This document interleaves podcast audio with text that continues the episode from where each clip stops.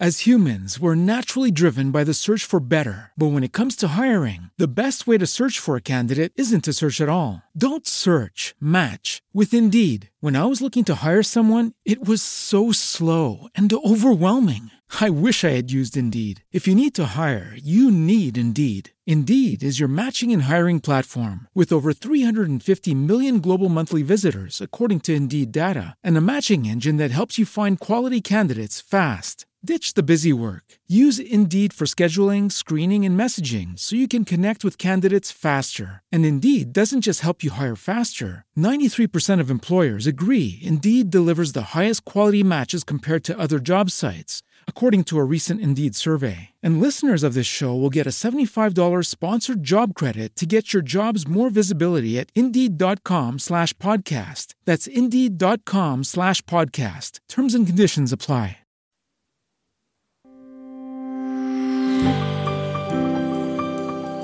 Du lytter til Apropos Musical med Jesper Nielsen og Louise Denker. Jeg hedder Jesper, Jeg hedder Louise. og det her det er din danske podcast om musical.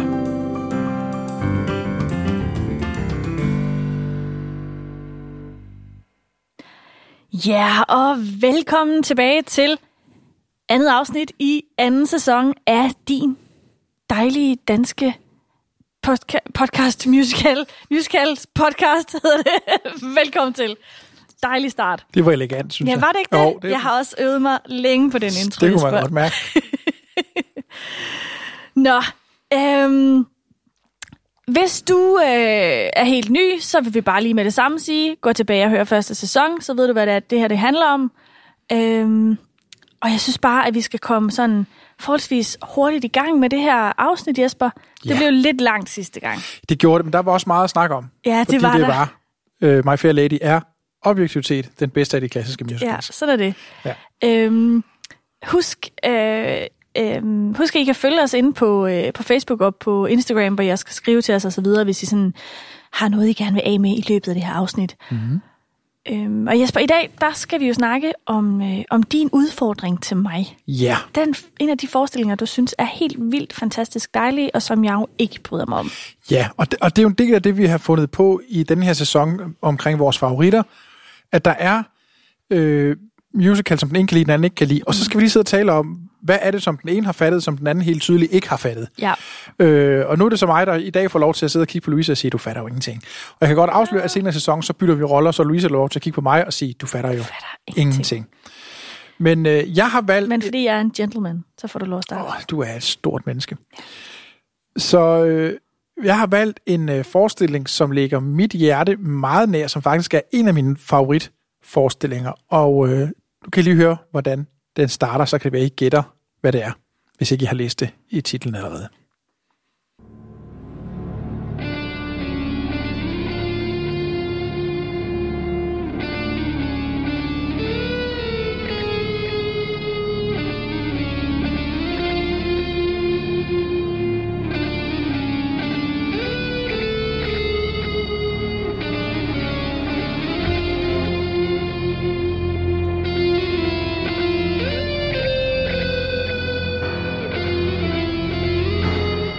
Det er selvfølgelig Jesus Christ Superstar fra 1970. Det vil sige, den udkom som sådan et konceptalbum i 1970 og har musik af Andrew Lloyd Webber og Tim Rice.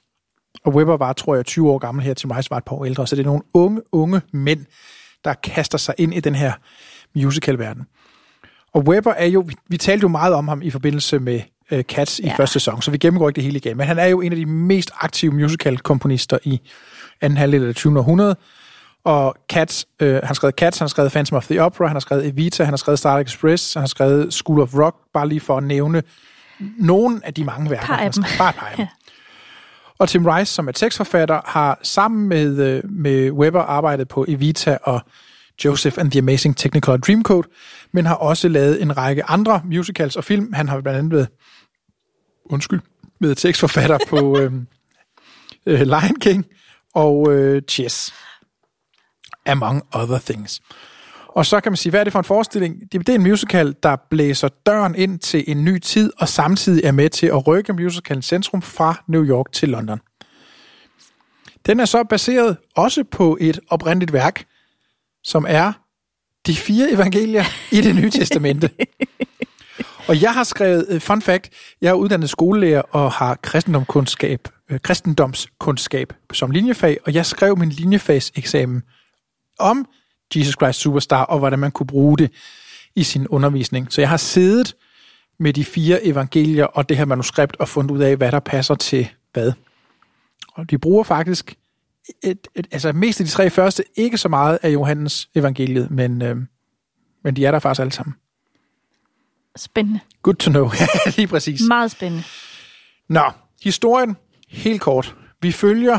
Øh, altså, for det første så kan man sige, det er jo, det er jo ikke... I, i den, det er noget, der er spændende ved Jesus Christ Superstar, det taler vi også om senere.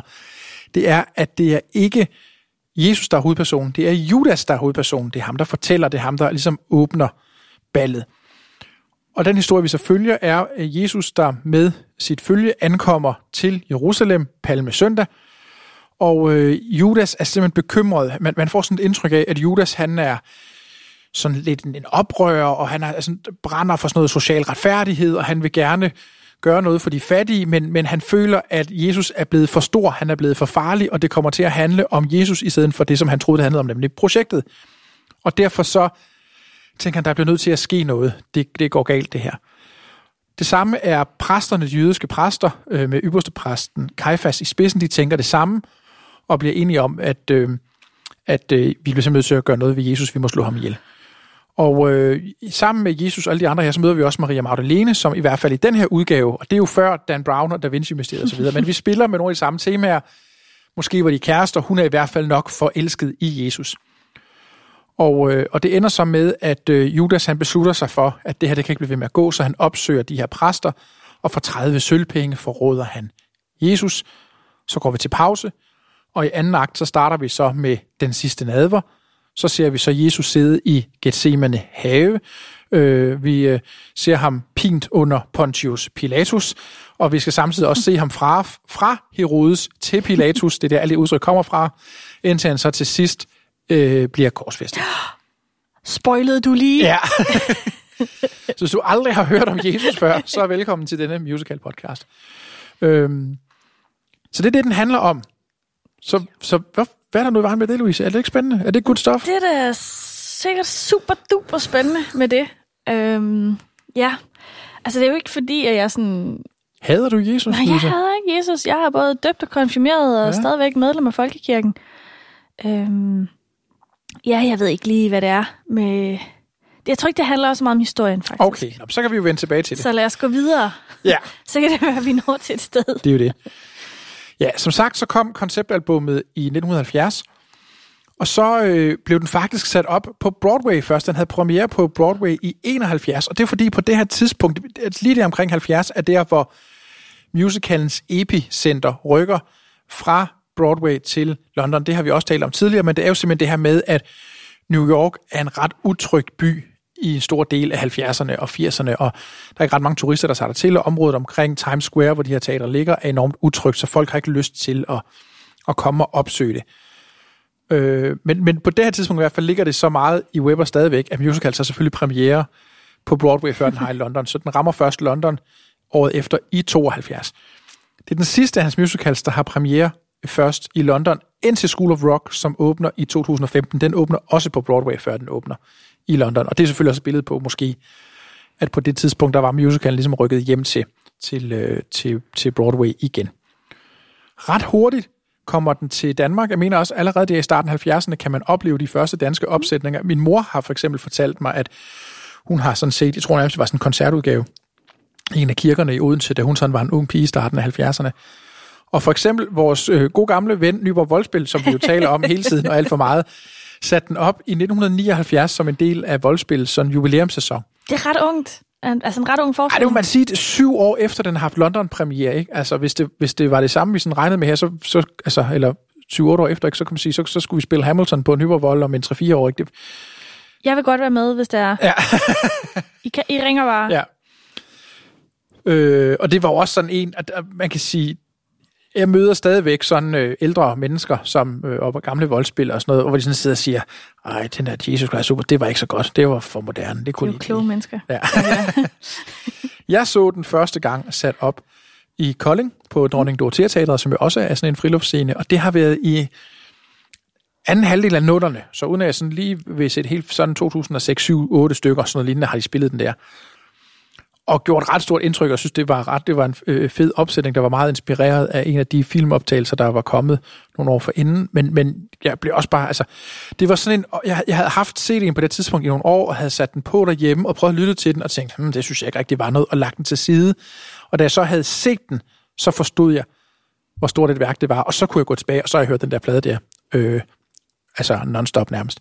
Og det er en forestilling, som jævnligt bliver spillet i Danmark, både af professionelle og amatører. Og på den professionelle scene, der kan man sige, Aarhus Teater lavede faktisk en opsætning af Jesus Superstar i 2017, så det er jo ikke ret mange år siden. Nej. Og så var der også en stor dansk professionel turnéversion, som jo turnerede i 2020, som faktisk nåede lige præcis sådan at ramme det der sweet spot midt i corona, hvor man Ja. godt lige måtte rejse rundt Ja. øh, og spille for nogle mennesker. Jeg havde en veninde, som var med i koret på den, mm. øh, sødsiden Anna Højholdt. Øh, og hun var bare altså, lykkelig for, at de nåede Ja. øh, at komme rundt og, og synge den her, eller lave den her forestilling, Ja. eller koncert. Det er virkelig fantastisk. Og så er det her også, og det tror jeg også er en af grundene til, at den her sådan bor et særligt sted inde i mig, det var, at øh, det her det var sådan den første musical, jeg sådan satte op og instruerede på egen hånd. Og vi gjorde det i Nyborg i december 2010 i en forening, øh, der hed Teatergruppen Fidus. Og, øh, og, og udover at jeg sådan synes, vi fik lavet en ret fin opsætning. Det er, ikke- det er ikke ret lang tid siden, jeg sådan fandt DVD'en frem og så den igen. Og, jeg sådan, og, og det, når man så ser noget, man selv har lavet for mere end 10 år siden, så kan man godt nogle gange blive lidt nervøs. Jeg synes det holder stadigvæk. Jeg kan godt se, at jeg også er blevet dygtigere til at instruere på de år, der er gået. Det er jeg glad for. Men, men jeg synes, der er meget, der er godt. Og vi havde også, altså vi var virkelig velsignet af et afsindigt stærkt cast. Og der, der, der er rigtig mange af dem, der var med på scenen, som er blevet professionelle sidenhen. For at bare nævne et par stykker, så Johan Berg og Thea Bolgerum, som var vores øh, øh, Jesus og Marie Magdalene, de kom ind på Performing Arts School i øh, Jødeborg og gået der, og, og Johan arbejder i dag rigtig meget som sangunderviser og som korleder instruktør og sådan noget. Og Thea har lavet øh, flere forestillinger på øh, det nye teater og lavet mange ting. Christian Kollenburg, som er en gammel Nyborg-dreng, øh, øh, var med her, spillede Simon Celoten og kom ind på Musical Academy i Fredericia og har både spillet mange sådan hovedroller, altså han spillede hovedrollen i Den evige ild Ja. ja. på Bellevue Teateret, men har også lavet tv, han har været med både i Radio Mercur, og han har været med i et afsnit af Badehotellet. Også. Ja. Og så øh, Morten H. Andersen, som jo smukke mand. smukke mand, og som jo er en af de dygtigste skuespillere, altså, der findes i Danmark i dag, altså overhovedet, Han er så dygtig. spillede øh, Kong Herodes, og, øh, og er jo i dag kongelig skuespiller, og laver alle mulige film, og alle mulige hele tiden, og er bare mega dygtig, og mega flink fyr. Og, altså, og, og derudover var der rigtig mange andre, også øh, dygtige, dygtige, dygtige folk. Så det var sådan ret fed.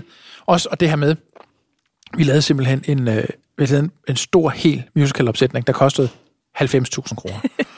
og lavede et lille bitte overskud. Og vi var sådan, øh, øh, så vi, vi altså, så, altså, og det var sådan, vi havde ude låne nogle kostymer, og vi, og vi havde lånt et stilas og spillet det sådan ret bart og sådan noget, så det var også sådan skrabet ind, men jeg synes, det var vildt i, at vi kunne lave altså en hel musical-opsætning for 90.000. Ja, det er også meget godt gået, synes jeg. Og så kan man sige, noget af det andet, vi også lige snakker omkring det her forestilling, det er, dengang den kom frem, så kaldte man det ikke en musical, man kaldte det en rock-opera. Og noget af det er jo, at den er gennemkomponeret. Og i dag er der jo rigtig mange musicals, der er gennemkomponeret. Men det var altså ret nyt. Jeg blev spurgt for nylig, om det var den første, og jeg tør ikke lægge hovedet på blokken og sige, at det var den første, men det er i hvert fald en af de første. Det er på det her tidspunkt, at den her idé opstår. Lad os lave musical, hvor man slet ikke taler, hvor man kun synger hele tiden. Og så fordi det var rock, og fordi man sang hele tiden, synes man, det var en opera, og så fordi det var rock, så var det jo en rock-opera. Og det band, der hedder The Who, har også lavet en rock-opera, der hedder øh, Tommy. Og det er de to rock-operaer, der findes. Nej, Øj, findes der flere? der findes en, øh, øh, der hedder øh, Jerry Springer. Det er The rigtigt. Rock Opera. Det er også en rock-opera. Det er rigtigt. Den har jeg faktisk også set. Den er crazy. Den er crazy. Øh, men, men, men bortset fra det, fordi de to andre er nogenlunde samtidig. Jerry Springer, den, den kommer øh, noget senere. Men, men ret hurtigt, så går man væk fra det her begreb med rock-opera. Så det, det, nu kalder man det bare musicals. Ja. Og så er der noget interessant i, at Weber selv... Øh, og måske det der med, at den startede som en plade, altså de udgav det som en plade, som man kunne købe og høre derhjemme. Han har sådan udtalt, at han synes faktisk, det er sådan, man skal opleve den. Han, for ham er det mere et show, end det er en forestilling. Så han synes, det er sådan en, man skal, man skal lave mere showagtigt, og så virkelig ikke gå helt så meget op i historien. Og det synes jeg er sådan lidt pudsigt, fordi han har jo så valgt måske, altså, altså den vigtigste historie, der er fortalt i den vestlige kulturkreds, ikke? Og så synes jeg, det skal man ikke rigtig gå så meget op i, men, øhm, men det, det, er jo lidt interessant i hvert fald. Ja. Men, men jeg synes egentlig, at, at der er, måske, han har måske en pointe, fordi øh, nu skal vi ikke gå alt for meget ned af, af hele religionssnakken endnu, men, men historien om Jesus handler jo ikke om Jesus, den handler jo om, om alle de, altså det jo, handler om tematikkerne, mm. og hvordan du sådan, hvordan vi op, skal opføre os som mennesker, og sådan, så det er jo, altså det er jo, Bibelen skal jo heller ikke læses i en historie, den skal jo også læses i Ja, det er de der budskaber, vi skal have med derfra og sådan noget. Ja, ja, det er selvfølgelig rigtigt. Måde, så det kan godt være, det er det, mening. mening. Nå. Ja, så det er, det er det, den handler om. Det er det, det, er det vi skal snakke om i dag.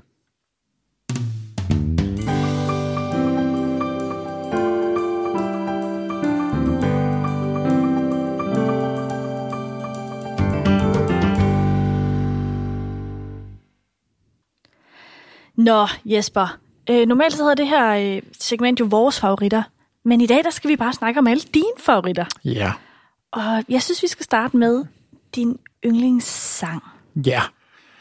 Og det er simpelthen øh, åbningsnummeret i forestillingen. Så den, der kommer lige efter øh, overturen, det er øh, Judas' første store solo, og den hedder Heaven on Their Minds. Og I skal lige sådan prøve, I får lige lov til at høre det første minut af sangen her, og så kan vi snakke om bagefter, hvor fedt et nummer det er, det er.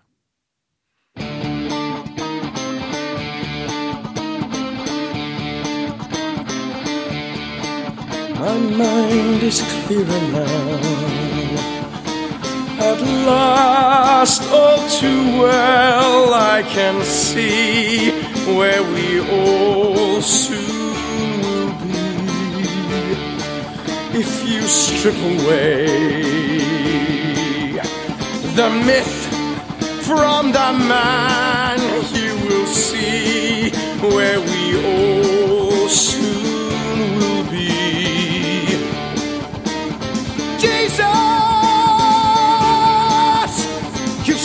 To believe the things they say of you. You really do believe this talk of God is true. And all the good you've done will soon get swept away. You've begun to matter more than the things you say.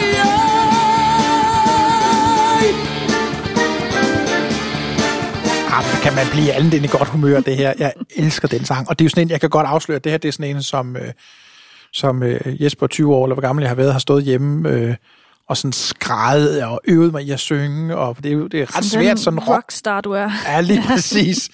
øhm, øh, ja, sådan en fun fact, ham, den solist, vi øh, hører her, det er en, en øh, engelsk øh, skuespiller og sanger, der hedder Subin Vala. Og øh, hvis der er nogen af jer derhjemme har den CD med Chess, som øh, Stig Rossen øh, og, og Mikkel Rønnow producerede, og hvor Stig Rossen han spiller russeren, så er det Subin Vala her, der spiller amerikaneren. Ah. Så derfor, så, så hvis, øh, ham har man måske hørt, fordi han er faktisk jo så optrådt i Danmark i, i forbindelse med Chess, så han er, sådan, han er den store engelske øh, rock-tenor. Var det i hvert fald for, for 20 år siden. Jeg skal ikke kunne sige, om han stadigvæk er i dag. Det, jeg elsker ved det nummer her, udover at jeg synes, det er et røvfedt nummer, og jeg er vild med den der hookline, bam, bam, bam, bam, bam, dam, dam. Jeg synes, det er så fedt, og det er sådan en, jeg virkelig får på hjernen. Så præsenterer den lyden i den her forestilling. Altså, vi, vi jeg har sagt det før, jeg elsker forestillinger, der er ærlige og fortæller mig, hvad jeg skal forvente mig. Og det får jeg også her. Jeg bliver sat ned, så får jeg den der rockgitar spade lige i hovedet, så tænker jeg, okay, det her det bliver fedt. Og så præsenterer den Judas, øh, og ham skal vi snakke noget mere om, men det er sådan en spændende karakter, og jeg, det jeg synes, man får ud af det første nummer her, det er, øh, det er nemt sådan, i hvert fald, det har man også gjort i kristendommen, jo nærmest sådan at demonisere Judas og gøre ham næsten til sådan en satanisk skikkelse. Det er han ikke her. Her er der han et menneske, der er optaget af noget. Så kan man sige, hvis man sådan skal give det sådan en moderne kontekst, altså er han nærmest blevet radikaliseret, er han blevet sådan for, for ensporet på det, så han ikke kan se det store billede, men han er i hvert fald, altså han er selv overbevist om, at han gør det af den rigtige årsag, og han er bekymret, fordi han kan se, at Jesus' person er begyndt at skygge for Jesus' projekt. Og det bryder han sig ikke om. Og det synes jeg gør ham til en spændende karakter, der har, der har noget på spil, udover at han bare sådan skal være skyldig, at det går ham dårligt sidenhen. Ja. Fedt. Så har du vel også et yndlingssted? Ja, Ja. og det er et, øh, et nummer, som også kommer her sådan øh, relativt kort ind i første akt. Det, altså, det, er jo, det er jo en kort forestilling. Hver akt varer cirka 45-50 minutter, så det er ikke en specielt Ja, lang kort. forestilling.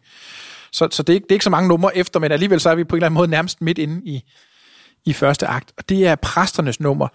Og, og jeg kan godt lide, fordi man kunne jo godt falde for den fristelse at sige, når nu det handler om præster, så må vi hellere skrive noget, der er lidt klassisk eller lidt koralt eller sådan noget. Øh, og det gør man ikke. De har også fået et rocknummer, og det, det kan jeg virkelig godt lide. Der er så noget i det hele taget i lyden af den her forestilling. Bare lige for at sætte det ind i en kontekst. Nu, I forrige afsnit, der snakkede vi om My Fair Lady. Den er fra 56, ja. og den her, den er fra 70. Der er 14 år imellem de to forestillinger. Sound of Music er fra 59. Det er kun 11 år før. Det er bare for at se, prøv lige, altså det er så seismisk et skift i, hvordan man skriver musical. Hvis vi går tilbage 11 eller 14 år fra nu, altså hvis vi finder et stort hit i 2010, så er det jo ikke fordi, det vil være væsens forskelligt for den musik, vi hører nu. Men, men man, kan, altså, man kan godt forstå, at der er nogle af dem, der har været inde og se Sound of Music, der tænker, ej, hvor er det dejligt, og det, det er nogle søde sange, og det kan vi nynne med til. Og så 11 år senere, så kommer det her. Jeg kan godt forstå, at de har fået kaffen galt i halsen i pausen, ikke? Altså, for der sker eddermame med noget. Og det kan man også høre i det her nummer. De her præster, der sidder og bliver enige, hvad skal vi gøre med Jesus? Øh, og når frem til den konklusion, this Jesus must die. Læg lige mærke til teksten, det er Tim Rice's tekst, og den er så fuld af finurligheder. I får lige et, et, øh, et kort uddrag her. No, wait. We need a more permanent solution to our problem. What then to do about Jesus of Nazareth? Miracle, wonder man, riots, no army, no fighting, no slogans. Infantile sermons, the multitude rules. We dare not leave him to his own devices. His half-witted fans will get out of control. But how can we stop him? His glamour increases by leaps every minute. He's top of the pole. Og igen, vi kan næsten ikke få selv til at fade for det, for det er så lækkert et nummer. Nu er det mig, der gør det, så... Øh. Jeg, blev ikke spurgt, der blev bare fadet. For det første, så nyd lige Kaifas, som altid bliver sunget af en dyb, dyb, dyb bas. Og jeg kan, altså, nu ved jeg godt, jeg selv er, er tenoren, ret lys tenor. Altså, jeg kan ikke komme dernede i nærheden af det. da, vi, øh, da vi lavede den her i Nyborg for, for en 11 år siden, så er det vores fælles gode ven, Eske Slosser, som spillede Kaifas. Og jeg, og jeg synes, han var fremragende. Og jeg har, jeg har set professionelle spille Kaifas, hvor jeg sådan har kigget på dem og tænkt, og det kan godt være, at jeg er lidt forudtaget, det vil jeg gerne indrømme, men jeg er simpelthen, der er Jeg er ikke sikker på, at du skal sige det her, for jeg tror ikke, at Eskes ego kan Jamen, han tåle- ved det godt, for jeg har okay, sagt okay, det til ham. okay, jeg har set professionelle spille Kaifas, hvor jeg kigger på dem og tænker, det er ikke lige så godt som Eske. Jeg synes, jeg tror, Eske han er stadigvæk min, min yndlings Kaifas. det. Underligt. Og det der spil mellem, så kommer han først, den der dybe, dybe bas, og så kommer der bare sådan en skrig rock tenor bagefter, ikke? Og de her præster, der bare bliver enige om, at nu skal Jesus dø. Jeg elsker det sted. Også fordi man kommer til, fordi musikken er så fed, så kommer man til at holde med dem. Så er sådan rocker, ja, slå Jesus ihjel, woohoo, det er det, der skal ske. Og det er jo frygteligt, men, men det, er, det er så catchy, det her musik, ikke? så man kan ikke, jeg kan ikke lade være med at holde med dem. Nak ham, woo, ja. Yeah. Slå ham ihjel. Præcis. Ja. Øhm, så når vi til din yndlingskarakter, Jesper. Ja, og det fik Ja. jeg næsten teaset lige før. Ja, det er. Judas. Øh, Jesus-karakteren er også spændende, og det vender vi også tilbage til, at man har gjort Jesus noget mere menneskelig, end man tit gør. Men det er Judas, der er den spændende karakter i det her, altså for det er ham, der har noget på spil. Og, øh, og, og det her valg, han står i, og øh, han ved jo godt, og Jesus ved også godt. Altså det er det der med, at de ved det alle sammen. Det er Judas, der bliver nødt til at forråde ham, og ikke kun én gang. Han skal først gå til præsterne og sige, torsdag nat, der er han i Gethsemane have. Der kan I finde ham. Det er den første del. Men når vi så når til den der, så der, er jo sikkert mange mænd i den her have her, og de ved ikke, måske ikke, hvem, hvordan han ser ud, eller hvem han er. Så, det, så han bliver nødt til at gå hen igen og kysse ham i, Judas-kysset, som jo er blevet sådan et Ja. begreb i vores sprog og vores samfund. Og, og jeg synes, det er så interessant, og vi kan jo ikke nå, altså igen, jeg har, vi har lyst til at spille hele forestillingen for jer. hvis man sætter sig ned derhjemme og hører øh, The Last Supper, der er der jo virkelig en konfrontation mellem de her to mænd, hvor, hvor, hvor Jesus nærmest siger til ham, gør det, gør det, gå ud og gør det, gå ud og gør det, fordi Jesus måske også godt selv ved, at han har ikke mod til det. Han er så meget et menneske, han er så meget i tvivl, om man kan gøre det, der skal gøres. Så det bliver også nemmere for Jesus at være helten, hvis Judas han tager det på sig og være skurken. Jeg, jeg, jeg, jeg, Det er den nemme vej. det er den nemme vej ja. på en eller anden måde, ikke? Og, og, det, og jeg synes, det tager også på en eller anden måde noget af ansvaret væk fra Judas. Plus, at man jo også tænker, kommer han i tvivl? Bliver han i tvivl, om han har gjort det rigtige? Det, altså, det er jo, de bliver på en eller anden måde alle sammen til mennesker nu, både på godt og ondt. Det, I skal høre her, det er slutningen af, af det nummer, der hedder Damned for All Time, øh, Blood Money, som samtidig er slutningen på første akt. Og først så hører man Judas sige de her berømte ord. Noget af det, der er skægt i den forestilling her, er, at noget af teksten simpelthen verbatum er løftet ud af Bibelen og sunget, som det står i, øh, i, i den engelske tekst, er det den der øh, altså klassiske King James Bible oversættelse, man bruger. Øh, og så lige bagefter, så kommer der sådan det her engleagtige kor, som I kan glæde jer til. Prøv at høre her. Thursday night, you'll find him where you want him. Far from the crowds in the garden of Gethsemane.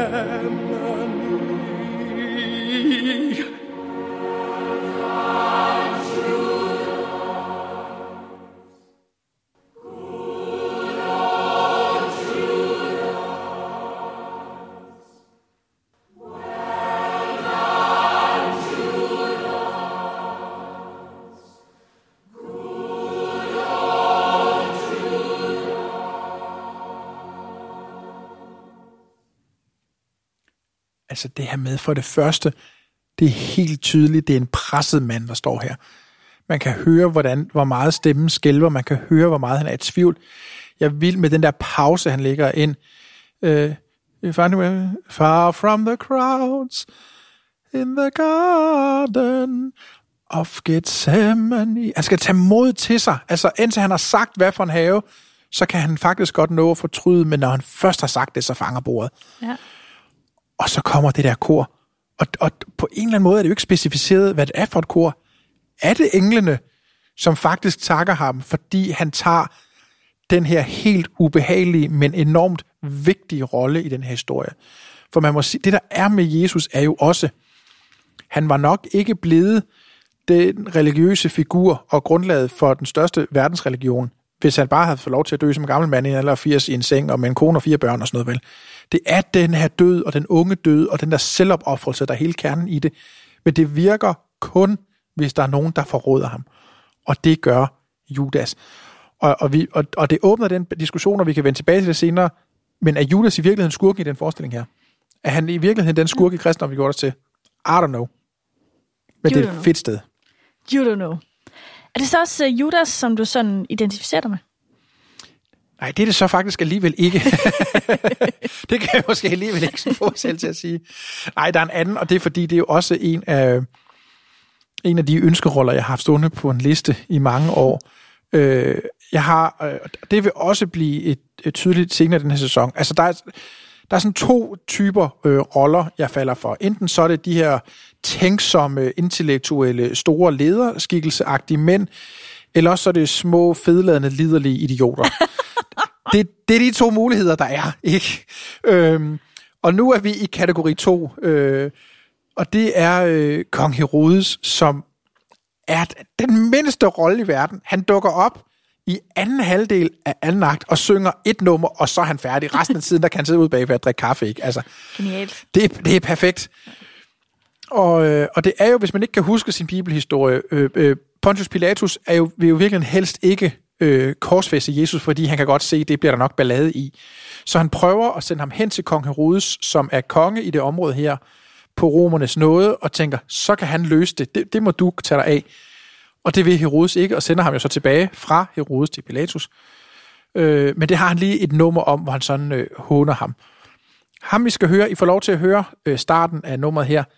Den kong Herodes, vi skal høre nu, er Alice Cooper, som nogen måske kender som sådan en rigtig gammel øh, syre-rocker, ikke? Ja. Og øh, der så på sine øh, lidt gamle dage her er begyndt også lige at lave en lille smule øh, musical, men det er faktisk Det er det, man, aldrig for sent at komme i gang. det er aldrig for sent. Men det er faktisk sådan noget, det man af og til gør, så hiver man en, der er lidt et navn ind til, til den rolle her.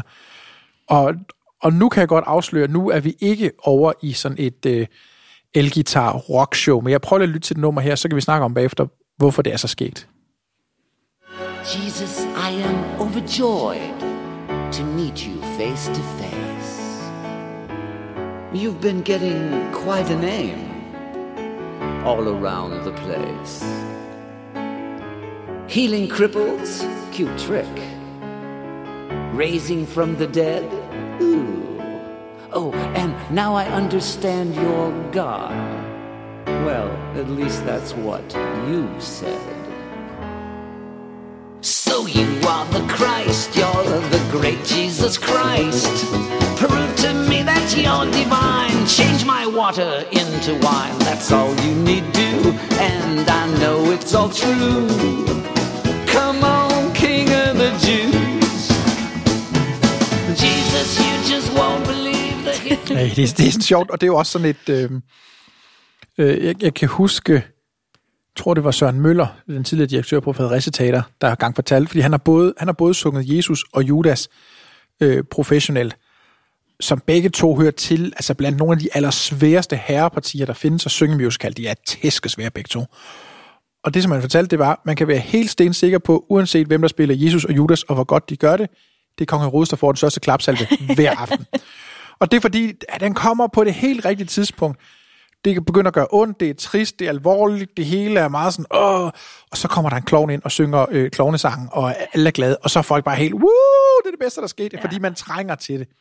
Men altså, jeg kan også lige så godt sige det, som det er. Det her, det er nok et af de numre, som... Det er måske det, er det eneste nummer i den her forestilling, jeg rent faktisk godt kan lide. Ja, det kan jeg godt forstå. Ved du, hvorfor du godt kan lide det nummer her? Hvorfor er det, Jesper? Det er fordi, det er et Melodi Grand Prix nummer. Ja, der kan man bare se!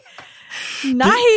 Weber skrev det nummer her til det engelske Melodi Grand Prix øh, nogle år før inden det her, og de ville ikke have det. Og så tænkte han, det er lige meget, det er et godt nummer, jeg putter det i skuffen. Det hedder Try It and See, og man kan finde det på, øh, på YouTube, hvor det er en kvindelig solist, der synger Try it and see, won't you try it and see. Og, og det er noget af det, som han har gjort tit Weber, så har han skrevet et nummer, eller nogle gange putter han dem direkte i skuffen og hiver dem op, og nogle gange så bruger han dem i en kontekst og siger, ja, den passer bedre end her, og så flytter han den. Øh, så jeg kan godt forstå, at, at du kan lide den her, for det falder lige ned i, øh, i dit Grand Prix-hjerte. Åh, oh, det er træls, når man er så gennemskuelig. Det er jo altså. det. En Ja. anden lille fun fact, det er, jeg, første gang jeg hørte det nummer her, og det er nok 20 år siden, der havde en veninde, som, øh, som kendte den forestilling her, og hun vidste, at jeg var glad for musical, og siger hun, du skal lige høre det nummer her, og uden noget som helst varsel, uden nogen forklaring, så satte hun det her nummer på, mig, øh, øh, på for mig. Og jeg, jeg kan huske, at jeg blev forarvet. Jeg synes det nærmest, det var gudspespotteligt. For jeg havde ingen, der var ingen kontekst. Jeg tænkte bare, hvorfor skal jeg høre en sang om en mand, der bare håner Jesus hele tiden? Hvad er det her for noget? Jeg synes virkelig, det var besynderligt.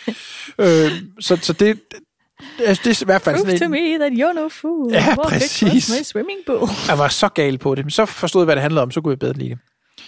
Så det var mine Men- favoritter. Jeg er nødt til lige at spørge dig i Ja. forhold til det her, Jesper. Fordi nu siger du, at den står på din liste over, øhm, over roller, du, altså, du, sådan, du godt kunne tænke dig at spille. Mm. Men hvad er det ved den her karakter, som du identificerer dig med? Jeg synes bare, han er sjov. Jeg synes, jeg synes det er en sjov sang, og jeg synes, det er... Øh, han er sådan lidt... Øh, altså, der er sådan noget... Du har lov til alt det grimme, der bor inde i dig. Har du lov til, synes jeg, det er i hvert fald sådan tit, man gør det. Ja. Så man har lov til at, at bare være nederen og rave lidt på dansepigerne, og du må sige alt det grimme, du kan til folk. Og. Altså, du behøver ikke at være den gode her. Du behøver ikke at være Jean Valjean, der altid skal gøre det rigtigt. Nu må du bare sidde og være sådan lidt halvfed i noget stramt tøj og råbe klamme ting efter folk. Og det, det, nogle gange, så kan man godt have lyst til det. Der er noget vidunderligt i, at du både identificerer dig med Kong Herodes og Jean Valjean. Ja. Der det- er komplekst menneske. Jamen, det er det, ikke? Og det er det, som er ved at sige ende. Og så Ja. ved man jo godt, hvem man helst vil være. Og så ved man også nogle gange, hvad det er for et menneske, der Hvem bor er er? aller, aller inderst Ja. inde, som man ikke lukker ud. Men, øh, og der bor, der bor en lille konge inde i mig.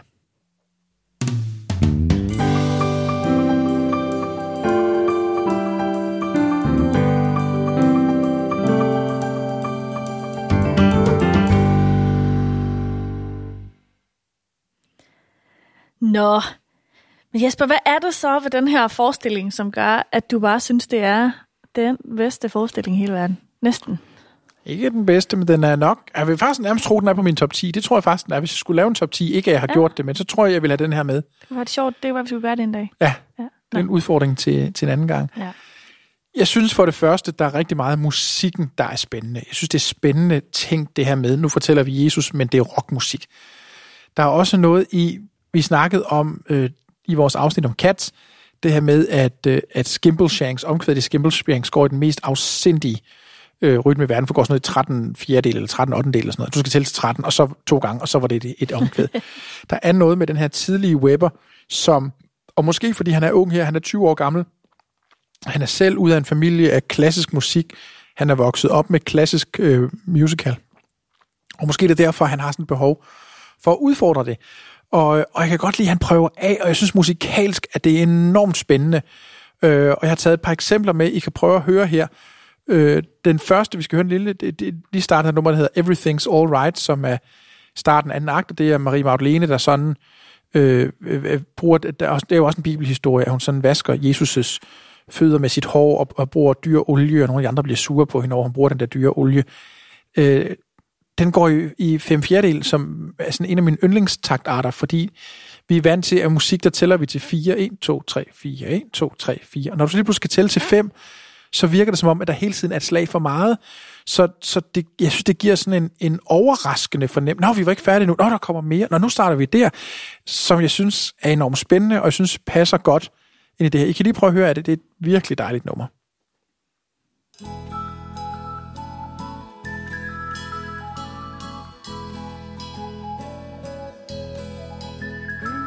Try not to get worried, try not to turn on to problems that upset you. Oh, don't you know everything's alright? Yes, everything's fine, and we want you to sleep well tonight. Let the world turn without you tonight. If we try, we'll get by, so forget all about us tonight.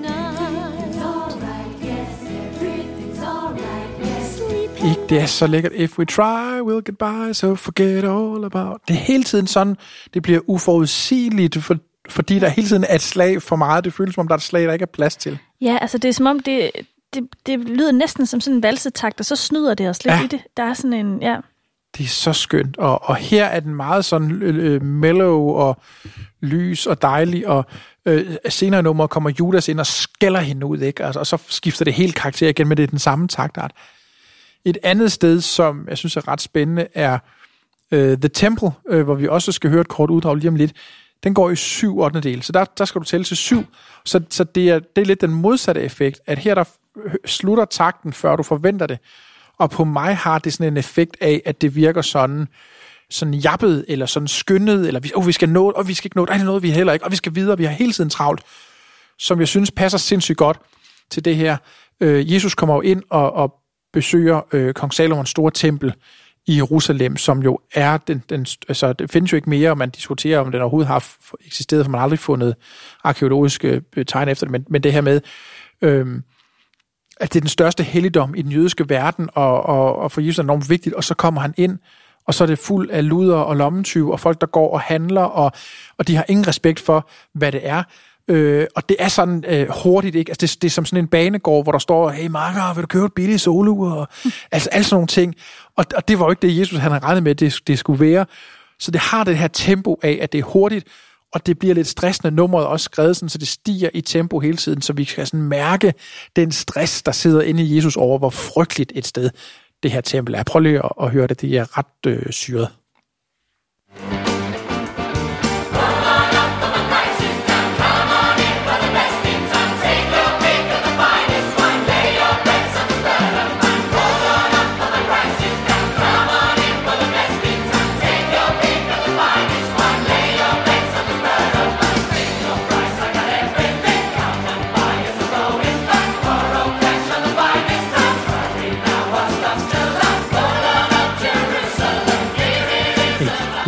det er også der, det er lidt stressende at høre på, og det er også det her, det her det er ikke noget, man sådan skal sidde og svømme hen til, vel? Det her, det må godt øh, koste noget. Mm.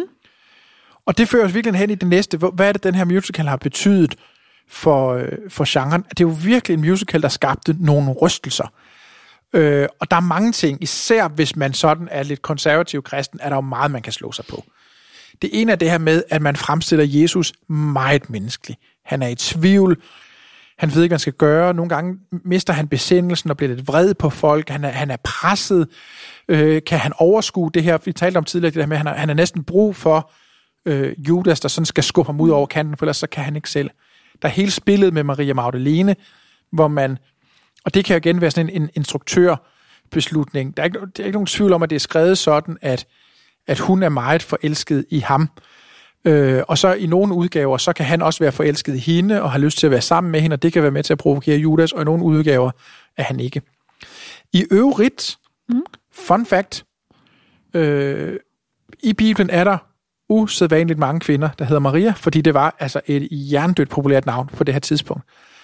Øh, og der er en, der hedder Maria Magdalene, som er øh, næsten sådan den 13. apostel, altså en af de her kvinder, der fulgte Jesus. Og så er der en anden kvinde, der hedder Maria, som er den faldende kvinde, som vi tit tolker som, at hun var prostitueret. Det er faktisk ikke, der står på, der står bare, at hun er en falden kvinde. Og så er det i mange hundrede år senere på sådan et bibel, øh, konvent, at der er en eller anden biskop, der har sagt, øh, de to, det er den samme. Bum. det er det faktisk ikke. Så det her billede, vi har tegnet af, at Maria Magdalene er den faldende kvinde, som Jesus tager til sig, ja. det er faktisk to forskellige kvinder, der er skrevet sammen, og det er skrevet sammen i et forsøg på at ligesom reducere hendes øh, størrelse og betydning, fordi man lige har brug for at, at det hende lidt til. Ja. Øhm, så er der helt det her med, at det er Judas, der er fortælleren, som jo også har pisset folk af. Og at man jo så på samme måde menneskeliggør ham, så vi diskuterer det her med, om han er en skurk. Fordi i slutningen af forestillingen, i hvert fald sådan, man er skrevet her, så kommer han tilbage til præsterne, vil gerne aflevere sit sølv af en mand, der har fortrudt. Øhm, og og så, så må vi jo, hvis vi er gode kristne, så må vi jo opleve, det her det er en mand, der nu angrer det, han har gjort. Og så er han vel tilgivet, ikke? Altså, så, så, så det åbner jo, altså for sådan, øh, nu, nu ja. er vi jo ikke præster, så det er jo ikke den snak, vi skal løse her i dag. Jeg tror, at, øh, at Judas han kom i himlen, da han døde, fordi han angrede det, han har gjort. Ja. Det bliver jeg nødt til at sige. Hvad Jamen. tænker du om Judas? Tænker du, han er en skurk? Øh, Hvor meget har du tænkt over Judas, før du kom her i dag? jeg har i hvert fald ikke skrevet en opgave om det i, i skolen, Nej. eller i min, på min studie. Øhm, det har jeg faktisk aldrig rigtig tænkt over, om han er. Øh, han er jo øh, han er jo skurken i den fortælling, det, altså vi får den klassiske fortælling om Jesus. Ja. Øh, men altså, nu har, nu har du siddet og fortalt en hel masse om det her, og det giver rigtig god mening. Ja, det er godt. ja. Ja. Han er i Øhm, hvert fald, man kan sige, nu gælder vi om skurk, der er, der er jo sådan et vidunderligt ord, som hedder antagonist, Ja. som jo nemlig ikke betyder skurk, men, men bare sådan, altså helt, Heldens modsætning. Præcis, Ja. ja. protagonist og antagonist. Øh, hvor, hvor jeg synes, han... Og vi kan få alting til at handle om Le Miserable. ikke? Jeg synes jo heller ikke nødvendigvis, Javert er en skurk, fordi Javert jo også er en mand, der er drevet ja. af, af, hvad han selv ser som det rigtige, men han er jo også helt klart antagonisten. Altså nu, nu kender jeg jo ikke forestillingen ret godt, øhm, men inde i mit hoved, der er Jesus lidt mere skurken. Mm-hmm. Altså sådan, han er i hvert fald, og det handler nok om det her med, at han, han er gjort, gjort mere menneskelig, ikke? At han, øhm, at det virker som om, at Judas, han kæmper for sagen, Mm. og Jesus kæmper måske mere for sig selv. Øh, så han bliver måske lidt mere egoistisk. Og, sådan, og det ja. kan godt være, det er mig, der sætter det lidt på spidsen, fordi jeg ikke kender den godt nok. Der, der er i hvert fald noget Øhm. i, at han er jo meget i tvivl, og man kan jo... At det er en af de sange, som, som jeg heller ikke har taget med i dag, men som jo også er et af de kæmpe store hits fra, er jo Gethsemane, som er, altså til alle jer tenorer derude, hvis I skal have det rigtig svært nummer at synge, så går I lige hjem og synger Gethsemane. Godt lige inde på værelset, indtil I kan.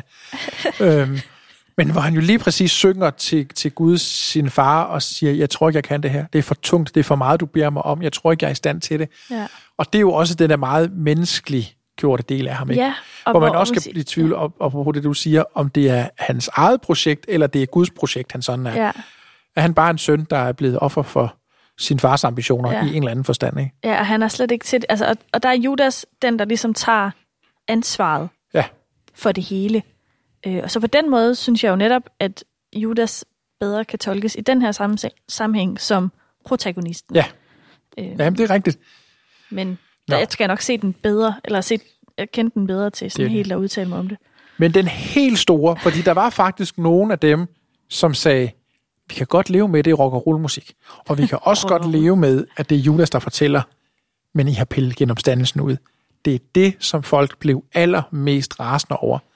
Den slutter med Jesus på korset. Der er ikke genopstandelsen med. Og det var der altså nogen, der ikke kunne tåle, fordi så er man kun et menneske. Ja. Så er der ikke noget guddommeligt i en. For, for nogen tolkede det jo som en religionskritik derhen, ja. at man sagde, og det tror jeg faktisk ikke var deres intention, øh, men det var sådan, det blev tolket. Men det er jo sjovt, at man, altså, at man ikke kan få lov til at fortælle en del af en historie, Ja. som alle kender. Ja. Det er sjovt, man, ikke, altså, man kunne også have skrevet en, øh, en musical, der kun handlede om genopstandelsen. Ja. Altså, der er jo, man kunne have skrevet en musical, der kun handler om den aften i Gethsemane have. Det kunne man fint. Ikke? Altså, hvorfor er det, at hele historien skal være med? Altså, specielt når det er en historie, vi kender. Vi ved jo Ja. ja. godt, hvad der sker med Jesus. Men det er jo nok, fordi det her i, i højere grad end, øh, end Dickens og Victor Hugo og alt muligt andet, så er der, ja. så er der, nogen, der, altså, så er der nogen, der virkelig har følelser i det her. Jamen, det er nok rigtigt. Der er en historie, man kan sige, helt, hvorfor finder de på det her? Der, der er to bud. Øhm, den ene er, at, og det kan også være, at de begge to er rigtige, det ved jeg ikke. Jeg synes, jeg synes den anden historie er sjovere, som får begge to, så kan man selv vælge, hvad man tror på. Den ene er, at det virkelig var Tim Rice's idé, han havde gået med i mange år.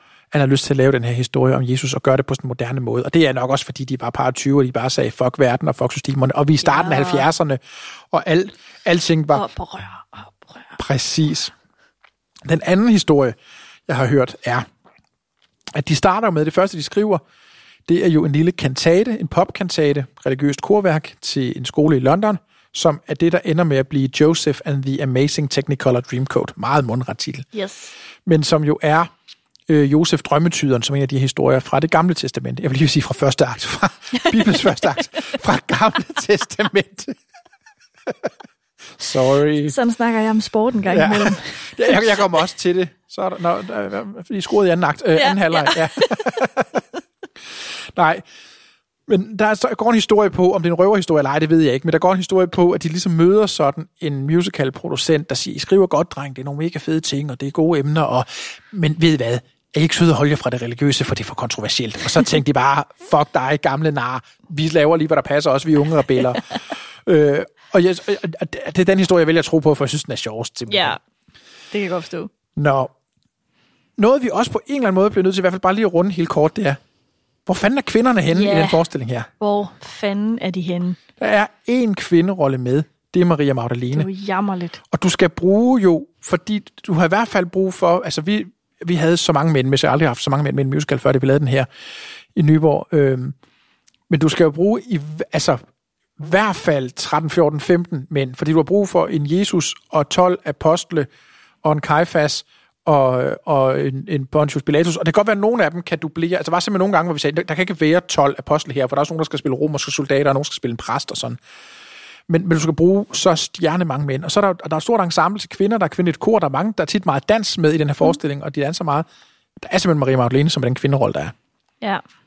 Det, den, den var nok heller ikke helt god i dag, at man har skrevet en forestilling, hvor der... Øh, altså, så havde, så havde man fundet en måde... Men Eller- det er jo også svært. Altså, hvordan filen skal man fortælle historien om Jesus og proppe kvinder ind i den? Ja. Ja. Fordi Bibelen, Bibelen er jo... Altså, er der tre kvinder i Bibelen? Ah, der er måske 10 Det er fandme heller ikke mange, der. ude på de mange tusind sider. Ja. Der er jo, altså, jeg kan nævne Eva og Maria Magdalene og øh, Maria. Ikke, øh, nu kan jeg så også nævne øh, Luder Maria. ja. Ej, undskyld.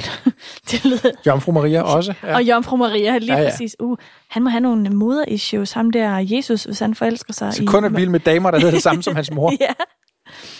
Ja, men det er rigtigt. Men det, men det er i hvert fald sådan noget, man jo også skal komme til at kigge på i dag. Og til gengæld, så kan man sige, så er der så... Øh, så har hun så en sang, hende Maria Magdalene, som jo også er et af hans store hits, øh, og som faktisk også er en pastiche. Øh, altså som er de her musik, der jo sådan kan, passer, kommer i en anden tematik. Øh, jeg tror rigtig mange af jer kender den her sang, I får lov til at høre et øh, lille uddrag af den lige om lidt. Den hedder I Don't Know How to Love Him. Den er skrevet som noget andet. Det er et country-nummer, og det tror jeg aldrig, at, at de andre, I har tænkt over. Den er skrevet som en sang, der hedder I love a Kansas morning. og når I så hører den lige om lidt, så prøv at lægge mærke til, at det er helt tydeligt er et country-nummer. Og det har I aldrig tænkt over før, og nu kan I aldrig ikke høre det igen. Så nu har jeg, nu har jeg spoleret det for jer. God fornøjelse.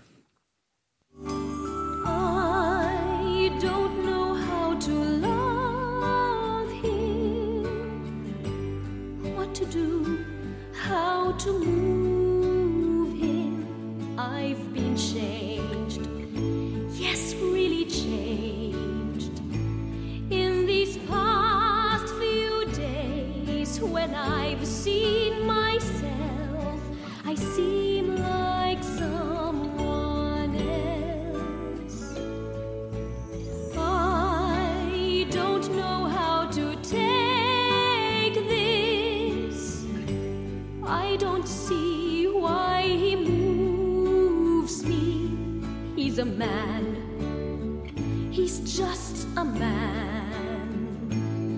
And I've had so many men before in very many ways.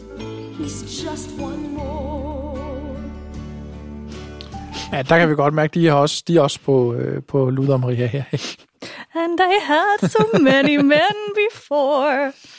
Så, Louise, det er en musical, der i den grad peger frem mod en ny øh, tid. Det er en ny musik, det er en helt ny måde at lave musical på. Stor musik og en gribende fortælling, og der er show. Hvorfor fanden kan du ikke lide den? Det er så kedeligt. Ej. Musikken er kedelig. Ej. Og det her nummer, vi lige har hørt, oh my god, hvor det hænger mig langt ud af halsen. Men, jeg vil også være færre at sige, jeg har faktisk fået blod på tanden til hvor at godt. dykke lidt mere ned i det, efter den her gennemgang. Fordi, øh, altså på grund af Judas karakteren. Nå, det var da dejligt. Ja. Ja. Nu prøver jeg lige her at række lidt ud, ikke? Ja, okay. Nu havde jeg ellers lige hisset mig op til, vi skulle skændes. Så, Ja, bliver, så bliver du helt imødekommende. Det tager da lige gassen af hvad det. fanden er det også for noget? øhm, men jeg, altså, øh, jeg synes, musikken er kedelig, og jeg er ikke en rockpige. Altså, det er jeg ikke. Der er lige den undtagelse af Dizzy Miss Lizzy, som jeg har hørt til døde. Øhm, ellers gider jeg faktisk ikke høre ret meget rock, sådan på Ja, den det måde. kan godt være, det er det, der så slår dig. Ja, det er- tror jeg næsten. Øh, og det er jo også i virkeligheden noget, vi ikke har diskuteret ret meget øhm, i de her musicals, hvad musikken betyder. Mm. Øhm, altså, musikgenren betyder. Øhm, fordi fordi der, det kan være, at, det er, at, du, at den passer lige ned i en bestemt kasse, hvor, hvor du selv passer lige det ned i, men hvis musikken bare ikke rammer dig, så kan det filme være Ja, så er det svært. Jamen, det er rigtigt. Ja. Ja, og jeg er jo meget glad for rockmusik. Altså, Ja. ja. jeg elsker jo øh, også Dizzy Miss Lizzy og Kashmir og Muse ja. og Mew. Og, altså, jeg hører meget rockmusik, så... Jeg vil ikke kunne pille øh, øh, Mew og Muse og Kashmirs musik fra hinanden. Altså, Nej, jeg, okay. ikke- jeg vil ikke kunne pege på nogle af dem og sige, det der, det er dem. Jeg tror måske, jeg kan et øh, Kashmir-nummer. Øh, nej, det kan jeg ikke. Jeg kan ikke huske, hvad det hedder. Er der ikke sådan et med sådan en rocket ting? Brothers. Rocket Brothers. Ja. ja. Sådan, du var der næsten.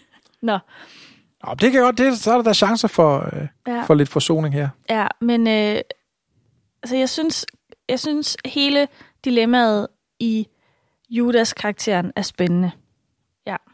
Ja. Jamen, det er godt. Og det er det, der skulle hale mig ind, hvis det var. Men øh, så synes jeg, du skal høre med øh, efter breakeren her, fordi så kan jeg fortælle dig, hvor hen du kan opleve den her spændende Judas karakter. Uh.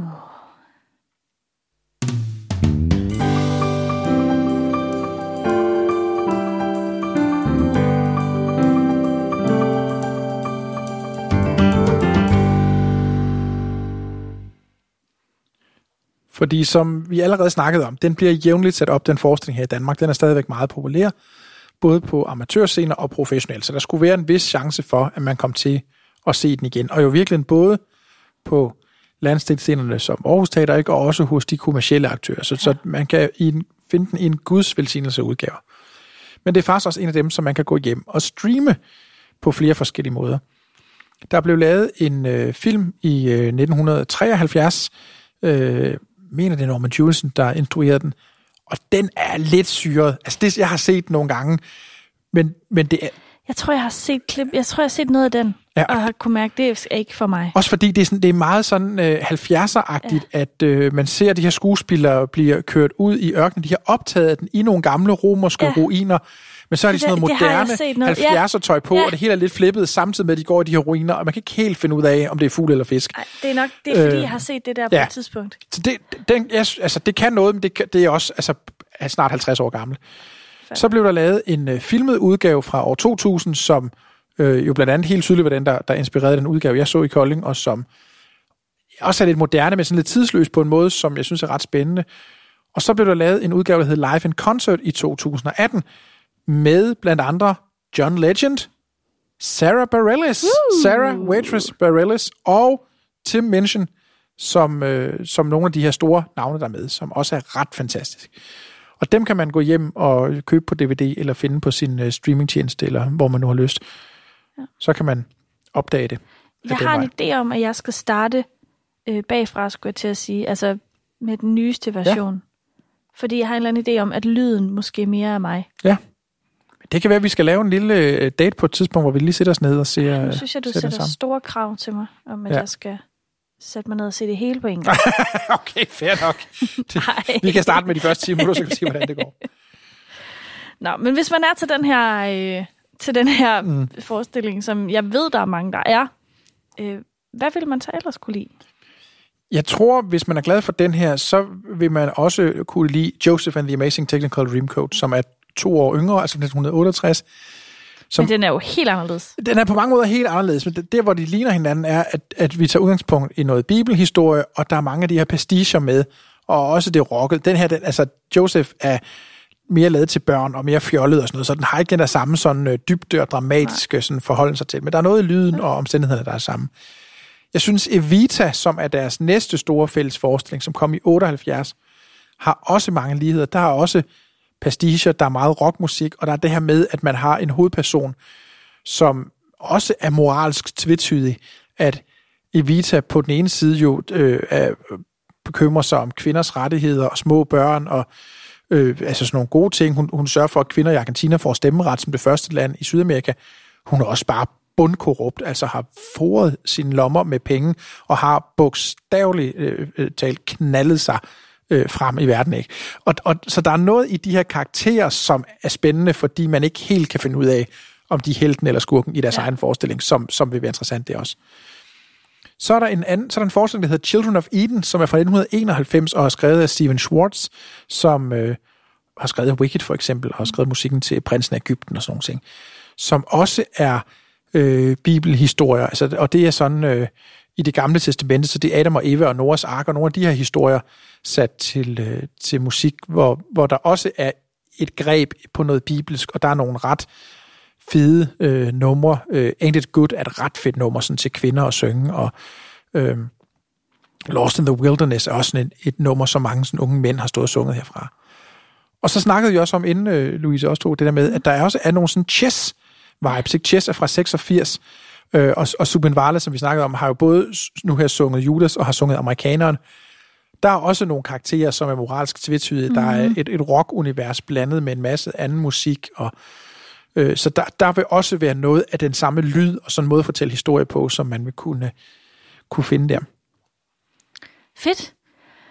Og øh, så har vi jo vores dejlige publikums øh, jul. Hvor vil du sige, den her den øh, placerer sig henne? Jeg synes, uh, Jesus Christ Superstar bor ret tydeligt i uh, den udfordrende kategori, fordi den, den udfordrer musical-genren, den leger med rockmusik, den leger med, øhm, med den her måde at, altså, at, at udfordre Jesus-historien mm. på. Så der synes jeg, den bor rigtig fint, og jo stadigvæk også i dag, selvom det er så mange år siden. Og så kan den også, øh, og, og, og de andre, det er måske også lidt, hvad for en vej man vælger at gå med den. Man kan også lave, øh, man den kan også bo i den showglade, fordi der er nogen, hvor man, øh, altså, hvor man netop dyrker showet og har dansepiger og laver det visuelt enormt flot og, og sådan noget, hvor, hvor den kan bo der. Men man kan også lave, hvis, hvis det du interesserer dig for, det er netop det her, de her moralske, etiske spørgsmål, øh, den her forholden sig til, til kristendommen og til Jesus, noget, så, så kan den også bo over i den intellektuelle. Og det er lidt skægt, fordi den showglade og intellektuelle jo næsten er hinandens modsætninger. Ikke? At, at det er så alligevel, yeah. at den samme forestilling kan, kan sådan strække sig i begge retninger. Det synes jeg er ret interessant. Og hvad er det så for nogle, for nogle skeptikere, der kunne falde for den her? Udover mig, selvfølgelig. Jamen det er, hvis du er medlem af Indre Mission, så tror nej. det, det, jeg tror ikke, man skal starte der. Nej, Ateistisk selskab måske. ja. At hvis man er glad for rockmusik, hvis man er glad for sådan klassisk rock, som det lød i starten af 70'erne, så vil man synes, at den her musik er fed. Altså jeg, jeg kender øh, mange øh, sådan guitarister og sådan noget, som er glade for rock, som synes, det er fedt at spille, selvom de måske ikke kender forestillingen, så synes de, det her det er fedt. Ja.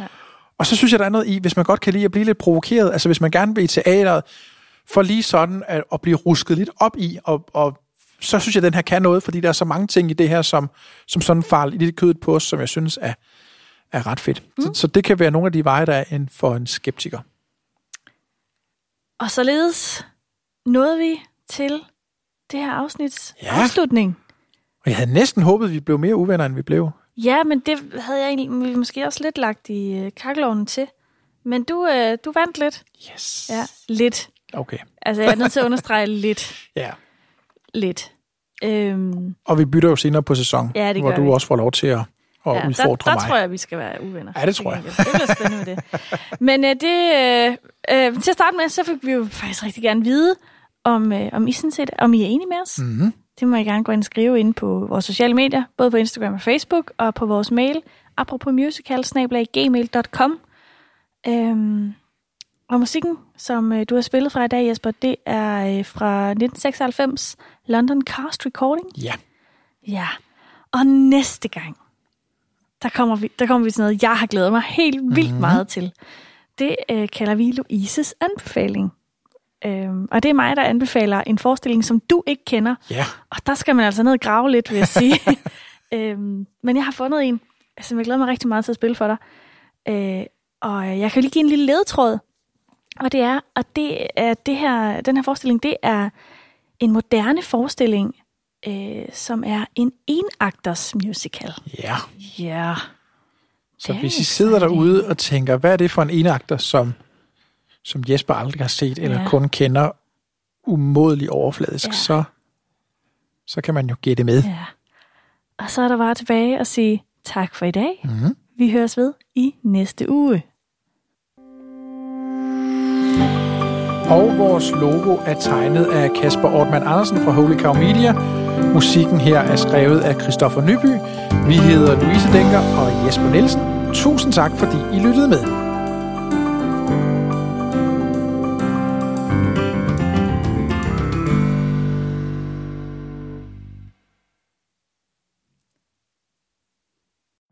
Every day, we rise, challenging ourselves to work for what we believe in. At U.S. Border Patrol, protecting our borders is more than a job, it's a calling. Agents answer the call, working together to keep our country and communities safe. If you're ready for a new mission, join U.S. Border Patrol and go beyond. Learn more at cbp.gov/careers.